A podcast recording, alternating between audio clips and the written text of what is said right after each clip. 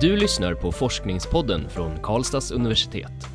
Här möter du forskare som tar dig med på en upptäcktsresa i vetenskapen. Den här podcasten görs av publiceringsstöd vid universitetsbiblioteket.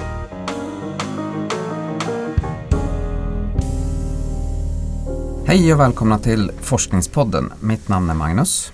Och jag heter Nadja. Och med oss i studion har vi idag Johan Kalusa. Välkommen Johan. Tack så mycket. Du har skrivit en doktorsavhandling i företagsekonomi som handlar om medborgare som är sjukskrivna och den heter Sjukskrivnas arbetsbörda. Arbetande medborgare möter en kundorienterad byråkrati. Kan du berätta vad avhandlingen handlar om? Ja, eh, jag har studerat en, en, paradox som jag kallar det. Och det är att å ena sidan så säger regelverket kring sjukförsäkringen att, att man måste vara sjuk och oförmögen till att arbeta. Men sen så å andra sidan så, så har Försäkringskassan och, och liksom aktörerna i sjukförsäkringssystemet börjat, eh, börjat införa kundbegrepp och liknande vilket gör att man måste ta en mer aktiv roll som sjukskriven. Eh, och, och det, det för med sig att, så som jag menar, att, att man måste arbeta. Mm. Så helt plötsligt måste man vara frisk för att kunna vara sjuk och få sjukpenning. Mm. Hur, hur kom det sig att du har forskat om just precis detta?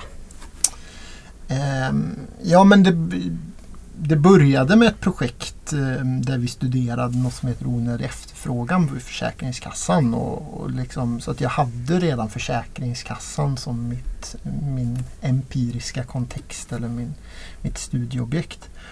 Uh, och ifrån det så såg jag en massa sådana här motstridigheter hos Försäkringskassan. Ja men just det här att ja, men man ska vara sjuk samtidigt så ska handläggare pröva din rätt att, att få sjukpenning. Och i vissa fall så var det också så visade det sig att, att man bad medborgare som var sjukskrivna att komplettera sina ärenden. Att, att eh, att ringa till vårdcentraler och styra upp möten med arbetsgivare och liknande ja, för att då få sjuk, mm. sjukpenning. Eh, och det tyckte jag var väldigt så här, motsägelsefullt eh, och, och därför blir det också på något sätt intressant att forska kring. Mm. Hur mycket är det en avhandling som handlar om de sjukskrivna och, eller handlar det mer om liksom, processerna som de sjukskrivna är med om? Eh, Ja, men jag skulle nog säga att min, min avhandling ham, handlar om, om de processerna som medborgare måste eh, jobba med. Mm. Eh, det är ett väldigt tydligt fokus i min avhandling. Sen så har jag ju också ett väldigt vi, visar jag också liksom vad handläggares, alltså hur handläggares vardag ser ut och vad handläggare gör inom sjukpenningprocessen. Och hur de här två interagerar tillsammans med läkare och arbetsförmedling och andra aktörer. Mm. Kan du berätta lite mer om hur du har gått tillväga för att samla ditt material?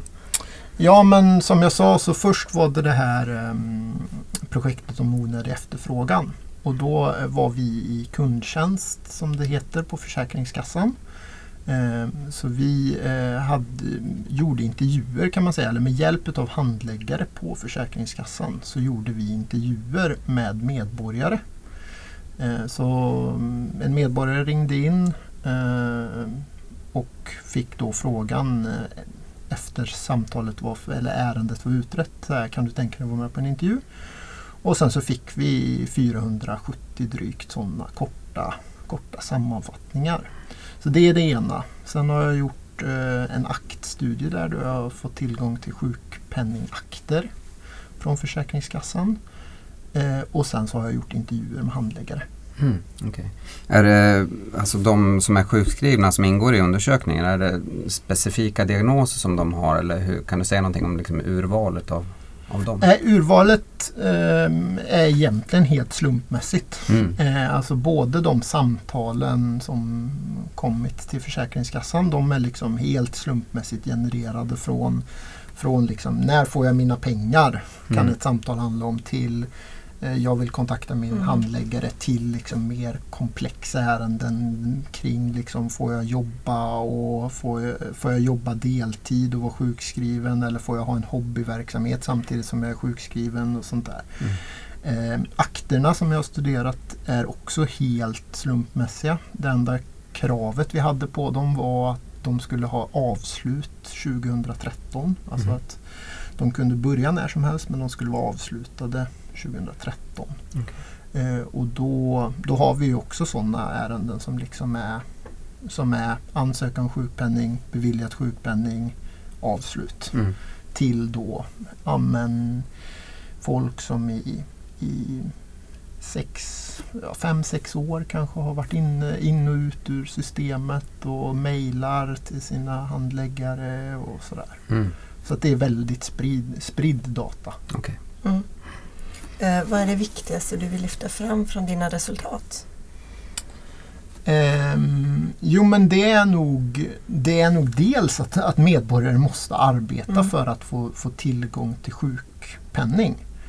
Ehm, och att det här arbetet liksom initieras delvis utav handläggare på Försäkringskassan men det kan också vara att andra delar i liksom hela det här systemet inte riktigt fungerar. Mm. Alltså har du en, har du en ehm, är du kopplad till en vårdcentral till exempel som har hög personalomsättning och din läkare inte liksom Mm. eh, arbetar fast där till exempel så kanske du kommer få problem med hanteringen av läkarintyg vilket kommer påverka din sjukpenning. Eh, vilket då gör att du måste kontakta vårdcentralen Mm. och försöka få till de här kompletteringarna som Försäkringskassan ställer. Så att beroende på liksom hur ja, beroende på hur, hur och var du är i systemet Mm. kan man väl säga så, så har du lättare och svårare att hantera det. Mm, okej. Och vilka diagnoser du har påverkar också. Har ni sett någon skillnad där? Eller? Ja men alltså det jag, det jag kan konstatera är väl att är jag, om jag bryter benet Mm. eh, imorgon och skulle bli sjukskriven för benbrott så är det en, A, en ganska klar diagnos. Eh, det finns en ganska klar rehabiliteringsväg att gå och jag är ty, troligtvis, jag har ty, troligtvis kognitiv förmåga att kunna hantera det här systemet ganska enkelt. Mm. Däremot har jag, är jag sönderstressad och utbränd på mitt jobb. Att jag kanske inte orkar gå upp på morgonen och för, för att liksom göra mina dagliga aktiviteter och liknande.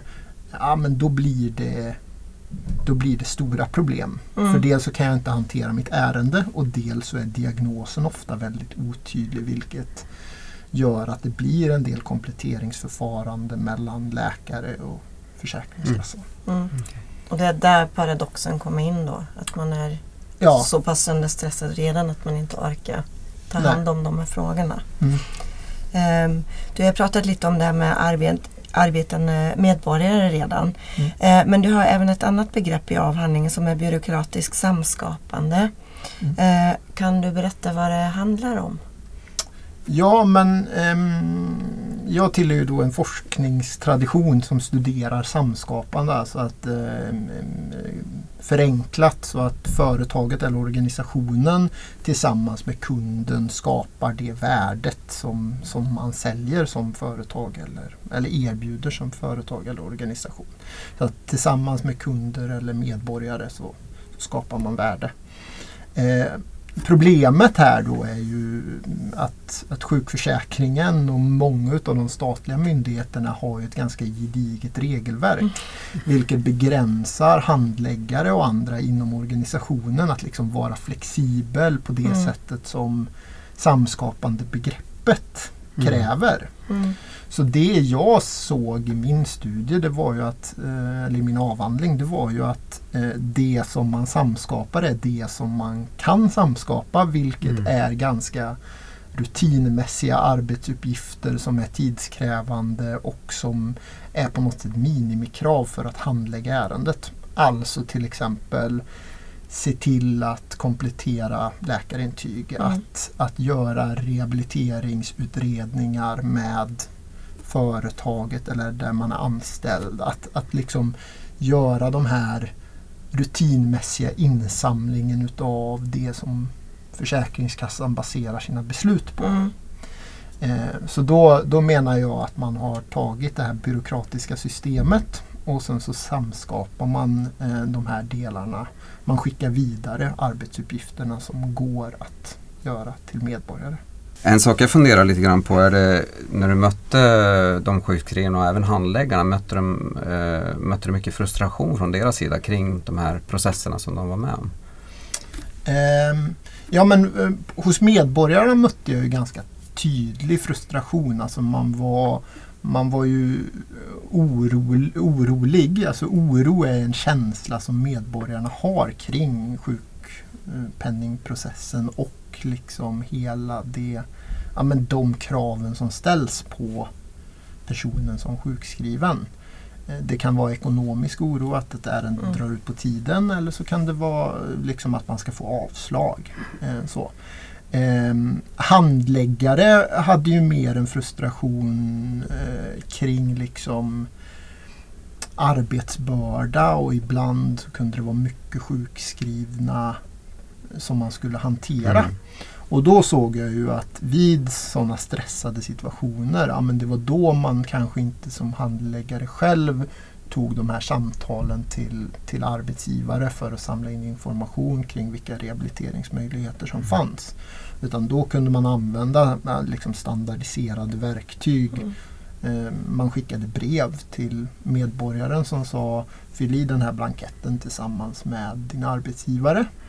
Eh, alltså om handläggaren var lite stressad och hade en pressad situation så överlät hen arbetet till medborgaren. Mm. För att, och det är min tolkning, att, att hantera sin egen situation. Okay. Um, fanns det, eller finns det några resultat som du inte hade förväntat dig när du tittade på de här frågorna? Eller var det så? Det kanske var, det var, du trodde att det skulle bli precis så här? eh, ja, men, eh, så här, man, och jag beskriver det här lite i min avhandling att, att jag ser forskningen och det jag har gjort som en ganska så iterativ process där jag går tillbaka, jag studerar mitt material, jag, jag studerar teori och sen så verkar jag på något sätt fram det. Eh, så, så många av resultaten är ju liksom en, en en kombination utav liksom att jag har verkt fram det. Eh, men jag, jag, tycker nog att, att det här eh, Ja men till exempel att, att kommunikationen mellan, mellan olika aktörer, alltså läkare och, och Försäkringskassan eller Arbetsförmedlingen. Jag tycker att det är liksom problematiskt och mm. jag jag hade förväntat mig att det kanske skulle funka bättre. Eh, eller så här, i, i, många fall så ser jag ändå en frustration från läkare att det inte fungerar bra och liknande. Samtidigt har jag hört det i media också. Eller man hör det i media. Um, har du hittat något recept då? Finns det några liksom lösningsvägar som man kan ana utifrån dina resultat? Ja, men ja, en så här, alltså, handläggare på Försäkringskassan har ett dubbelt uppdrag.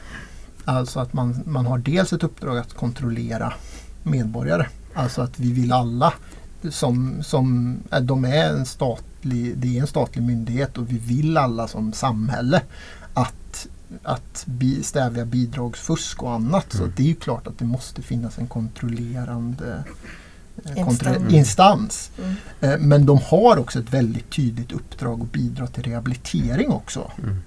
Ehm, och det, det, har ju visat sig de senaste veckorna ehm, via rapporter och annat eh, från till exempel Inspektionen för socialförsäkringen att, att, ehm, att Försäkringskassan har ägnat sig mer åt kontroll än att hjälpa medborgare. Och det, då blir min tolkning i enlighet med avhandlingen att, att, att då måste någon annan göra det andra än mm. kontrollen. Alltså någon annan måste arbeta för att samla in och sådär. Och det arbetet skulle ju också Försäkringskassan kunna göra. Mm. Alltså att man skulle ju kunna skifta lite fokus eller eh, också ta större ansvar över sitt sam, samordnande rehabansvar. Okay. Mm. Vem tror du har nytta av din avhandling och varför? Um, Ja, men om jag tar två spår. Eh, så så det, det första spåret är ju liksom rent allmän eh, alltså något slags större samhälls, samhällsnytta. Eh, och det är ju liksom politiker, journalister, eh, intressegrupper etc. Liksom. Det har ju pratats ganska mycket om att Försäkringskassan har ett mål som säger att vi i genomsnitt ska vara ha 9,0 sjukdagar per år. Mm. Och Det gör ju att styrningen på Försäkringskassan blir på ett visst sätt. Ehm, och då tycker jag det är klart att man ska ha sju, alltså mål för, eller det är klart att man kan ha mål för sjukpenningdagar och liknande men man måste också fundera på liksom hur, vad, hur, vad, som, vad händer med medborgaren och vad mm. faller tillbaka på dem. Mm. Ehm, så det är ju en i den diskussionen tycker jag att min avhandling liksom placeras ganska bra där jag visar liksom att ja, men när Försäkringskassan ägnar sig mer åt kontroll av läkarintyg, kontroll av arbetsgivarintyg, inte har så mycket möten med sjukskrivna, då kommer eh, de sjukskrivna få göra mycket mer saker. Mm. Och det arbetet är ju liksom eh, det är ju motstridigt mot att de ska rehabiliteras. Mm. Det är sjuka människor. Mm.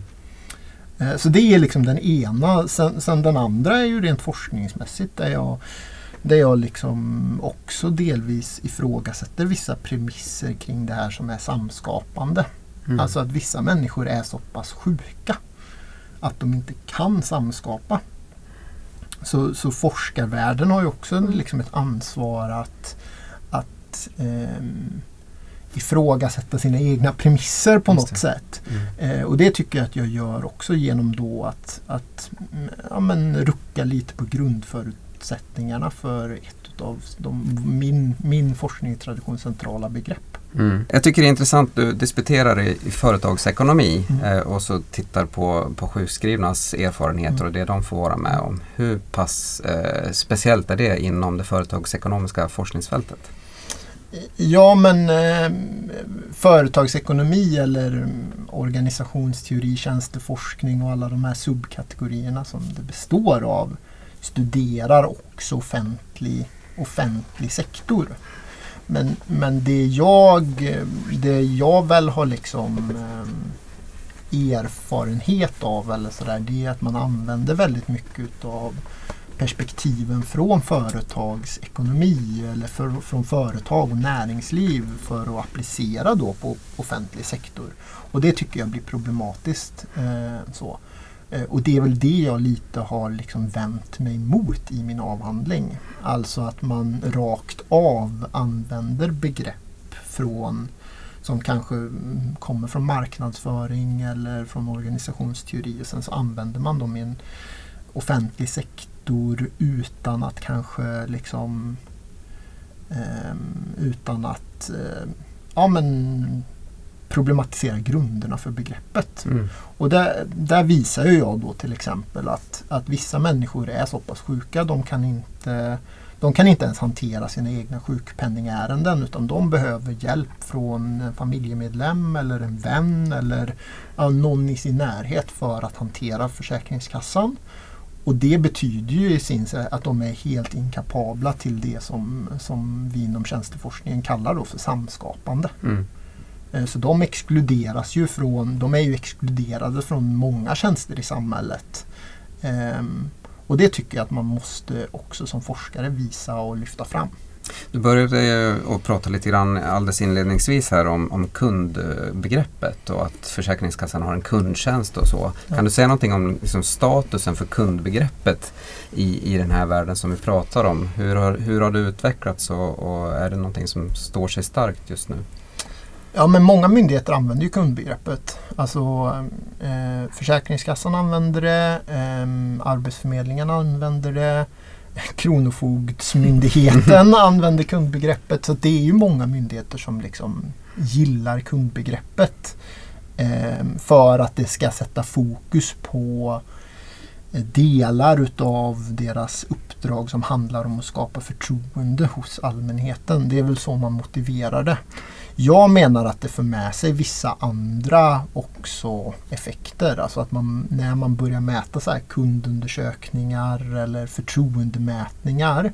Ja, men då tar man också ett steg bort ifrån eh, ja, men kanske de mer så här byråkratiska delarna utav myndighetsuppdraget och börjar ge sig in på på den här diskussionen kring samskapande mm. och liknande.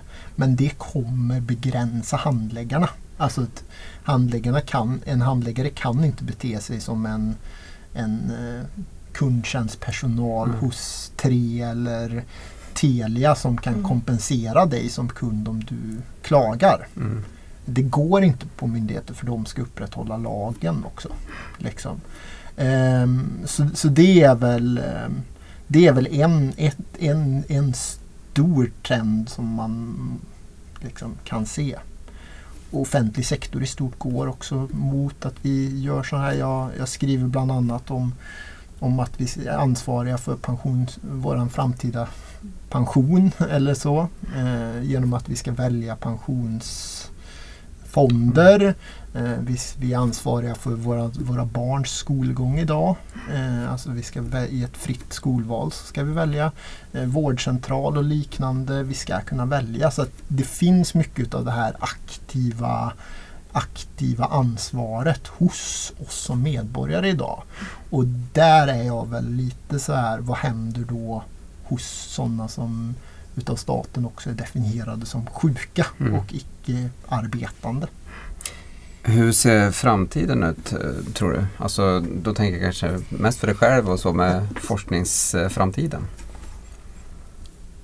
Ja, det var en bra fråga. Eh, alltså jag skulle vilja liksom eh, grotta ner mig mer i det här om, om jag får möjlighet. Och det är ju liksom eh, Alltså dels så finns det ju liknande, ser jag liknande kopplingar till andra samhällsviktiga tjänster som kanske också finns i det privata näringslivet. Alltså vi har ju det här eh, eh vad heter det, pengaupproret, bankupproret, mm. alltså pensionärer som inte har tillgång till kontanter och som mm. kanske inte kan sköta sin internetbank. De förväntas ju också på ett eller annat sätt vara mer aktiva i någon slags digital transformering. Eh, vi har andra försäkringsbolag. Om din bil blir stulen eller din, ditt hus får en enorm vattenläcka så är det, det rör ju till det i ditt liv mm. enormt mycket. Samtidigt som du troligtvis måste kontakta vissa leverantörer och du måste kont ha kontakt med försäkringsbolagen. Så jag ser kopplingar både inom liksom, offentlig sektor och inom det privata näringslivet som hade varit jätteintressant att, att studera med samma glasögon. Mm. Du Johan, vår tid närmar sig slutet men eh, jag tänkte, är det någonting vi glömde att fråga som du gärna vill tillägga innan vi avrundar?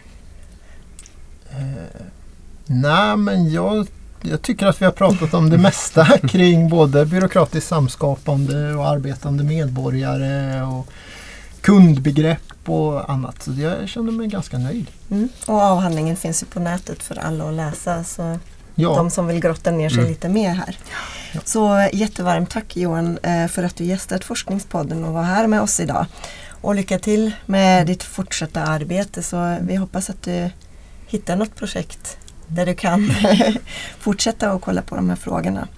Eh, tack också till er som har lyssnat och ehm, som sagt vill ni läsa Johans avhandling kan ni enkelt googla fram den. Eh, och fulltexten finns nämligen i vår forskningsdatabas DIVA och är fritt tillgänglig för alla. Tack! Du har lyssnat på Forskningspodden från Karlstads universitet. Den här podcasten görs av publiceringsstöd vid universitetsbiblioteket. Alla avsnitt hittar du på kause forskningspodden.